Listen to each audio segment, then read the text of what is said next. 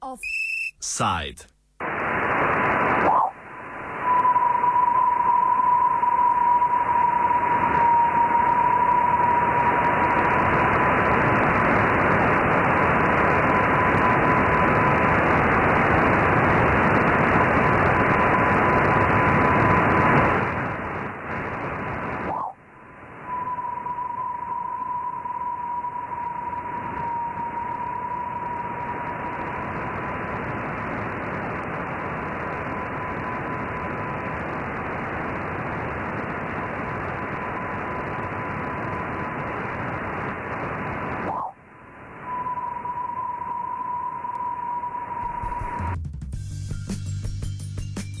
Poslušali ste radarsko zabeležene elektromagnetne pulze, posredovane preko radijskih valov, predstavljajo pa meteorski dež.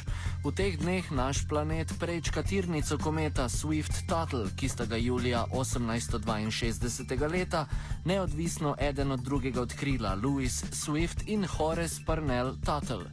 Gre za komet, ki v premeru meri 26 km in ima zelo jasno določeno orbito, za pot okoli Sonca pa potrebuje 133 let. Na zadnje je bil omenjeni komet v naši bližnji okolici leta 1992. Na svoji poti za seboj pušča ogromno prašnih delcev različnih velikosti, ki so poznani po imenu meteorski roj Perzeidov. Vsako leto ti delci v zemljino atmosfero vstopajo med 17. julijem in 24. augustom.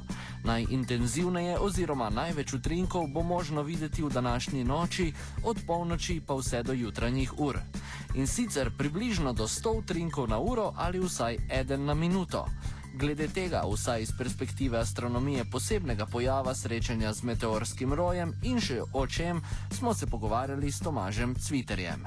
Ja, je do jutra, seveda v druge polovici noči, um, takrat jih je pač več, že zaradi tega, ker uh, jih zemlja, rečemo temu, narine, se pravi, takrat gledamo namreč v tisto smer, v katero se zemlja giblje in zaradi tega je utrinkov v jutranjih urah nekaj več um, pa tudi ozvezdje Perzeja, po katerem se imenuje Perzeidi, je nekako jutranje ozvezdje, zdaj se pravi tam nekje od polnoči naprej, takrat bo luna že zašla, ne bo več motila in vreme zgleda, da bo seveda lepo, se pravi vse možnosti za tam nekje, kakšne 50, če imamo pa zelo srečo, pa morda 100 utrinkov na uro, ki bojo prihajali nekako z vzhodne strani neba. Zdaj, recimo, če, če bi lahko mi dva malo bolj na široko pojasnila poslušalcem, uh, spravi, za kakšen pojav gre? Ja, uh, torej v tem primeru je stvar precej jasna.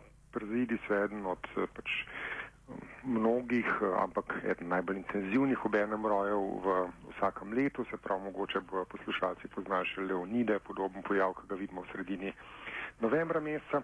Eh, gre pa pri prezaidih za zelo jasno stvar, se pravi, imamo nek komet, ki mu je ime Swift Turtle, um, Turtle, ki je pač um, svojih um, vsakih 133 let pride okrog Sonca, se pravi, taka precej dolga, precej spuščena tirnca, ki ima pa to posebnost, da pravzaprav seka uh, zelo blizu zemljino tirnco in takrat, ko je datum tam nekje okrog 12. 11. ali kaj podobnega avgusta, takrat dejansko sekamo tiranca kometa, kometa seveda ni tukaj, uh, ampak njegova tiranca pa je in tisti koščki, ki jih je komet v preteklih, rečemo tisoč letih zgubil, se pravi, jih je odpihnilo preč iz kometa, še zmeri se gibljajo okrog Sonca, približam po njegovi tiranci in to zadevno uh, lahko zadanejo tudi ob zemljo in če zadanejo ob zemljo, potem takrat, ko visoko gor v zračju, recimo 80 km ali pa še višji gor, uh, pač zgorijo, vidimo pač navadno utrinka. Ne?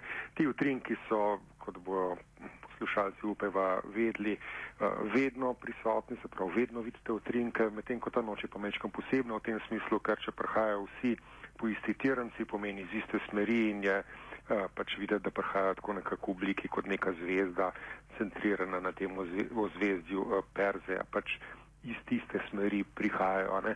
Efekt, da nekako um, niso usporedni, ampak tako kot zvezda je pa isti, kot če gledaš cesto ali pa železniške tračnice ali karkoli tazga, kar je usporedno in se pač zaradi perspektive uh, stekal neko, neko točko, v tem primeru pač na nebu v zvezdi Perseja. Kdaj bo naslednjič ta komet spravi prečkal zemljino tirnico? Namreč to je po vsej verjetnosti povezano z intenziteto teh, se pravi, utrinkov. Uh, ja, ja, uh, je povezano, se pravi, uh, na nek način, recimo tam nekje pred kakšne stotimi leti je imel večji izbruh in takrat, kadar nastaja, rečemo temu, večji, um, um, večji žep teh, uh, teh utrinkov, dobiti, takrat je seveda intenziteta nekaj večja. Zdaj smo rekli tam nekje do 100, pa bolj verjetno je ne 50 utrinkov na uro, drugač pa lahko stvar naraste tudi na 200 in več in če imate pa posebno srečo, potem lahko dobite pa cel cel dež v bistvu takih um, przaidov. Zdaj um, nič tacga v teh letih, se pravi, ne bo zdaj le še dočekala kakšnih posebnih dogodkov, približno v teh letih, par let naprej, par let nazaj, okrog 100 utrinkov na uro, nič kaj posebnega ne bo se dogajalo. Če lahko vi pač opišete, um, kaj pravzaprav meteor je oziroma uh, meteorit. Ja, ja, to je pač zelo droben uh, pač uh, zelo droben uh, košček, uh, košček snovi, kaj zelo droben pomen. Dejansko so to delci, ki so vsi po vrsti manjši od milimetra, dosti krat se pogovarjamo o desetinkah ali pa stotinkah um, pač, milimetra. Prileti v zemljino atmosfero, hitrosti v sončju so nasplošno precej um, velike in uh, ta predvsej velike pomeni, uh, da recimo se Zemlja giblje okrog Sonca s svojimi 30 km na sekundo, takle komet pa njegovi delci ob Zemlji so še nekoliko hitrejši, se pravi tam nekje blizu 40 km na sekundo. To pomeni, da imamo nekaj kilometrov uh, na sekundo relativne hitrosti, rečemo dobre vage, ne 15-20. Ne? In to pomeni, da so, da so ti delci silno, silno, silno hitri in kar se dogaja, da ko se zarinejo zgornje plasti ozračja, se ta njihova uh, v bistvu sled, prav njihova pot, tiste molekule zraka izjemno segrejejo, zato svetijo in to je to, kar vidimo. Ne? Ta sled, ki jo vidimo, ni sam delc, ampak so pravzaprav razžarjeno uh, ozračje. Uh, stvar, ki se dogaja, kot rečeno, vsako noč, uh, več je pa tega, če ste na poti take, rečemo temu cevi, um, med, pač uh, takih utrinkov. Uh, in v tem primeru jih je pač eh, več videti. Eh, recimo, če gledava, kdaj bojo te mm, datumi, eh, rekla sva sreda novembra, rekla sva sreda avgusta, jih je pa tam nekje ne 15 čez leto, se pravi, teh rojev vse polno, ampak tako intenzivnih, kot so przeidi, pa zlasti leonidi, pa pač drugi niso. Ne? Zdaj, kar se tiče pa samih przeidov, um, prej mogoče nisva še same številka rekla, se pravi, 133 let je tisti komet, um, kdaj uh, bo naslednjič uh, tukaj, ja, zelo bo treba čakati, zdaj sem in grede kot te internet vedno reši uh, poiskal, se pravi zadnjič je bil leta 92 uh, ta komet uh, v naši okolici in če prešteva 133 let, vidva, da so čist mirni, niti najbolj rosni poslušalci radija študent tega ne bojo dočakali najbrž. Ne? Uh, tako da v tem smislu nič, nič zelo posebenega. Potem pa seveda popolnoma druga zgodba so pa večji kosi. Te prezaidi, o katerih govora to noč praktično nimajo kakšnih zelo velikih kosov. Pri Leonidih bi pa že lahko dobili kakšno ognjeno kroglo, se pravi mal večji kos in zelo redko, dejansko zelo zelo redko pa kakšen od teh kosov preživi padec skozi atmosfero. Se pravi, da dejansko doseže um, zemljino površje in potem pa, ko enkrat leži uh, na zemlji, pa pač rečemo, da smo našli meteor, medtem ko dokler pa frči je pa meteoroid. Ne? Tako da to so te, rečemo, poimenovanja, ki samo po sebi mogoče niso glih osnova vsega. Je pa koristno vedeti, da ogromna večina stvari ostane v ozračju, se pravi, na zemljo pade vse polhen tega drobnega prahu, zelo, zelo redko se pa zgodi, da kaj dejansko uh, dol pade. Čeprav seveda, no, kdaj pa tudi, ne, kakšni kraterji v rezoni ali pa mogoče kakšna uh, izumrtja dinozaura in tako naprej znajo zelo zares biti povezani z padci. Pa končno, če pogledamo našo luno, ki nima ozračja in to zadevno ni dobro zaščitena, tam vse, kar jo zadane, dejansko pade dol in kot vidimo, je pač vsa, vsa naluknjena, no, dobesedno.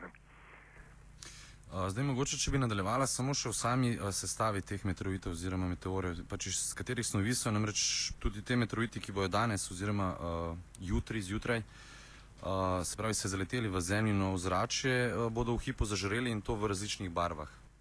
Ja, V bistvu um, po sestavi večina teh delcev je pravzaprav čist navadnega, če bi preprosto rekla, kamna, se pravi silikati.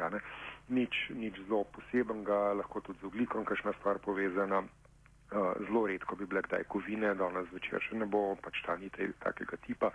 Um, drugače recimo sami kometi imajo pa tudi znaten, znaten delež uh, ledu, se pravi vodnega ledu v svojih uh, telesih. Tako da dejansko kemično gledano tukaj ne gre na nič zelo, za nič zelo zanimivega, nič zelo poseben novega. Uh, barve so pa deloma tudi posledica tega, uh, katere, uh, katere molekule našega ozračja vzpodbudite, je to kisik ali dušik ali karkoli drugega. In te imajo pač posamezno, sevajo v različnih barvah, v različnih spektralnih črtah in zato te, te barve so glavna posledica tega, ne se pravi, kaj dejansko uh, vidite, da seva odvisno od višine, namreč na različnih višinah imate pravzaprav različne um, molekule, ki so bolj prisotne in zato lažje zažarijo, rečemo temu. Ne.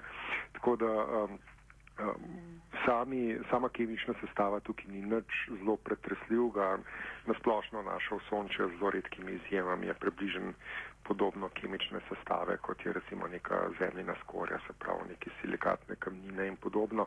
Uh, pa kot sva rekla, pri kometi bi bil led, pa v primeru, ampak to je pa precej redko, uh, pač um, kosov, rečemo, bivših večjih teles, pa lahko dobite tudi bolj kovinsko, kovinsko sestavo, ampak še zmeraj, kot rečen, um, redka stvar in sploh ne tako vredno, kot bi, kot bi kdo rad uh, špekuliral. Ne? Tako da samo po sebi um, sestava našega osončja, Zemlje in ostalih uh, planetov in tja naprej do do seveda um, takih manjših kosov, ki, ki dol padajo, vključno s tem in kometom Swift Turtle, ki smo omenjala, je pač približno podobna. Se pravi, relativna zastopanost teh posameznih elementov so predvsem odvisno od tega, koliko so ti elementi uh, hlapljivi, pa koliko je ta njihova uh, pač uh, atomska masa v, v pač kovine bodo nekako bolj v centrih teles, medtem ko lahko hlapljive snovi pa recimo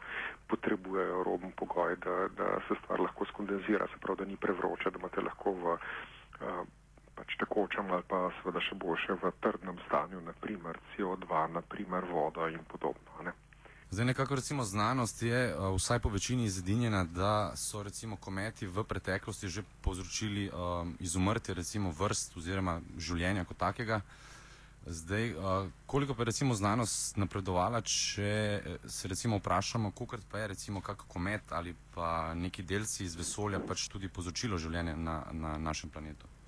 Ja, torej, eh, s tem je takole, eh, glede teh pacov, te paci odvisno od tega, kdaj gledate. Se pravi, eh, Zemlja in tudi Sonce sta stara približno 4,6 milijarde let, to številko zelo točno vemo po, po radioaktivnih razpadih, to je zelo preprost eksponencialen proces, ki ga pač obvladamo v mnogih primerjih in tudi v tem primeru nobene skrivnosti, se pravi starost poznamo in če gledamo nazaj 4,6 milijarde let vsega skupaj, tam nekje do nekje do 3,8-3,9 milijarde let nazaj, se pravi skoraj da prva milijarda let je bilo grozno živahno, se pravi teh pacov je bilo blazno velik, um, ravno zaradi tega čist možno, da se v tem prvi fazi sploh ni moglo nobeno življenje razviti, bilo je še prevroče, ni bilo pravzaprav dovolj miru, bi lahko človek rekel. Potem so bili pa pravzaprav padci prisotni, vendar bistveno redkejši. Ne? Se pravi, eh, to ali eh, imamo nekako vpliv na, v tem primeru rečemo, življenje na Zemlji, ja, lahko se zgodi, ne? vendar v zadnjem času bolj redko. Ne? Se pravi, naprimer, da je že toliko časa minilo od dinozaurov in njihovega izumrtja, ja, verjetno saj še kakšne toliko časa, če ne več, do naslednjega večjega paca, ki pač bi lahko povzročil precejšnje težave, ne končem tudi v času dinozaura je znatno število živalskih vrst izumrlo. Uh, življenje samo je pa, kot se pravzaprav v zadnjih časih učimo, izjemno težko izkoreniti, namreč eh, grozen trdo živo je. V praktično nemogočih uh, razmerah najdete uh, živa bitja in je zato pravzaprav nemogoče si predstavljati, da življenje lahko res prekinete. Ga pa lahko v smislu velikega izumrtja, rečemo, modelate težave v luci, no tako nekako. Zdaj, um, Se pravi, to je, to je glede tega, koliko je šans, da se kaj takega zgodi. Možno je, ampak kot rečen, so drugi razlogi za slabo spanje. Uh, potem pa varianta, uh, ali kaj pripomorejo, naprimer v tem primeru kometi k nastanku življenja. Uh, ena stvar, ki jo ne razumemo čisto dobro in ni popolnoma zaključeno, um, v bistvu področje je, uh, odkje imamo na Zemlji vodo. Na Zemlji sicer ni bog v kaj veliko vode, če gledamo celotno prostornino Zemlje, pa ugotovilo, da je morje recimo prekriva večino zemljskega površja in je globoko tam, rečemo, dobre vage, ne 4 km. Eh, če tole malo znožite, pa primerjate z volumnom zemlje, ugotovite, da je vode pravzaprav grozno malo. Eh, pa kljub vsemu, se pravi, voda je bistvena za življenje, brez nje bi težko, saj tako obliko, kot jo imamo na zemlji, razvil, eh, kar je pač čudovit prenašalec, neutralen prenašalec raznih reagentov okrog. Uh, in to pomeni, uh, za to vodo nam ni čist jasno, odkje je prišla. Zdi se, da nekako od samega začetka na Zemlji jo ni bilo in ni mogla preživeti. In to zadevno so kometi en vir, ki se ga pogosto omenja za to vodo. Seveda človek uh, je mal impresioniran, ne 4 km na debelo prekrita cela Zemlja z vodo, pa to ne bi od kometov prišlo, koliko jih pa bo. Očitno zelo veliko ne? in seveda to pomeni, da je ta stvar tisto, kar smo prej le govorili, se pravi posledica tistega močnega bombardiranja pred recimo 4 milijardami let. Ne? Se pravi, voda je na Zemlji že zelo dolg časa in takrat so jo pravzaprav te ledeni kosi, se pravi kometi, lahko dobavili. Ne? Tako da to je nekako, rečemo, prevladujoča razlaga. Zdi se mi pa, da ta stvar ni nekako še čist, čist pokrita. Eh, v tem smislu, da je bilo čist popolnoma gotovo vse detajli te zgodbe. Eh, seveda ni pa treba politi korak naprej, kot marsikdo hoče in to je to, da bi pa še življenje moralo voziti tudi nekje, namreč sledi grozen preprosto vprašanje, kako je pa tam drgot življenje nastalo in na kakršnem koli kometu ledeni kepi kar si že bodi je izjemno, izjemno težko kaj kompliciranega, kaj šele življenje razvijati, tako da to zadevno so to pravzaprav neke se mi zdi nepotrebne stran poti. Življenje je pač ratalo počasi, s precej muke in morda je trajalo milijardo let, preden ste imeli prvo živo bitje. Skratka, dolgo, dolgo, dolgo je bilo treba naravi poskušati na ključno, predno se je enkrat pa le zgodilo, kot kaže. Tako da življenje pač ni neka stvar, ki se zgodi v eni uri ali pa v enem dnevu, zgodi se po precej časa, pa relativno ugodnih razmer seveda in zemlja je bila tukaj primeren medij, prim, primeren tudi v tem smislu, da je bila na primerni temperaturi, da je primerno velik volumen, se pravi pa površina, se pravi, da je precej prostora, različnih okolij in tako naprej na voljo, tako da v tem smislu seveda se sploh ne more primerjati s kakšnimi kometi ali čem podobnem, ker so morda en kilometr velike ledene kepe, ki so tipično zelo, zelo daleč od sonca, se pravi globoko, globoko zmrznene in če nas mogoče danes na zebe, to ne pomeni, da pa minus 100 stopinjah ali pa še nižje, uh, kot je tipična temperatura na kometih, uh, bi karkoli živega lahko tam pričakovala. Ja, pa vendarle se na vsake toliko časa pojavljajo recimo nevic, uh, novice, v katerih ne, je nekako uh, zatrjevano, da so recimo uh, najdel uh, mikroskopsko male uh, fosile in sicer z bakterijami in se pravi, zanima me, ali se pravi, lahko recimo neke vrste bakterij preživi, se pravi, to uh, recimo temu srečanje z našo atmosfero.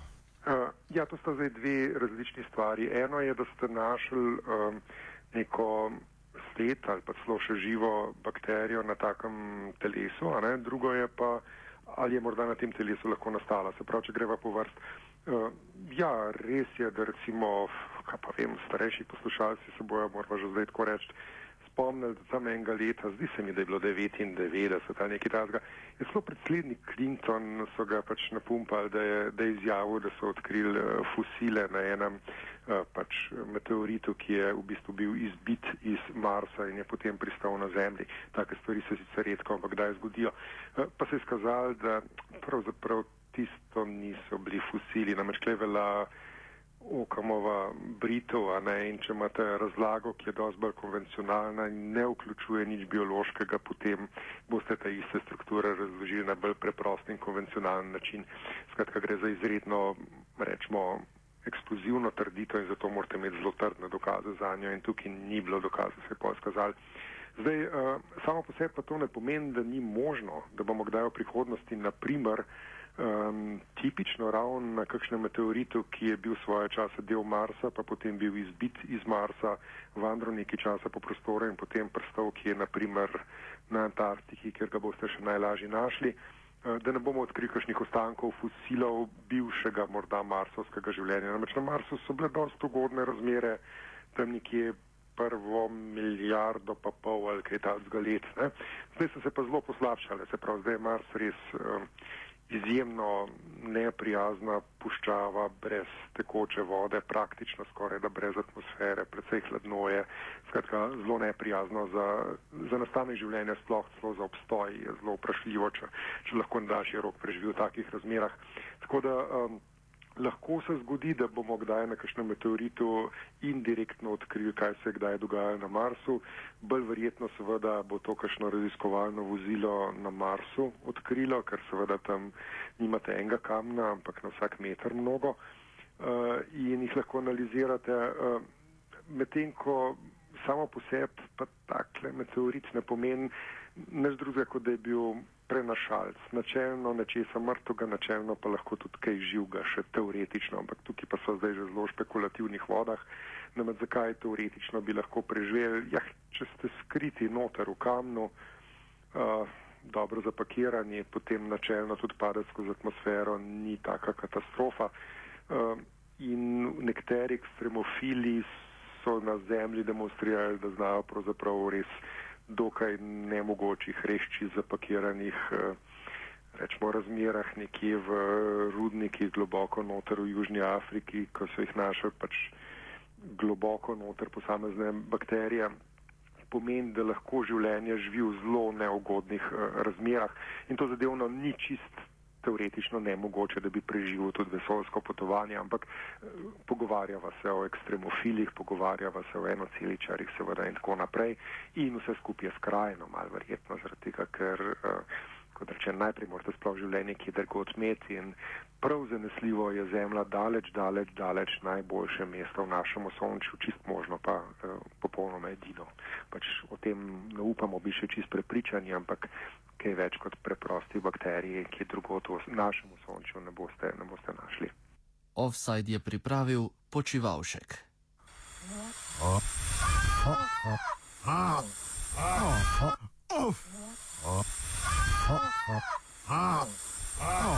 Offside.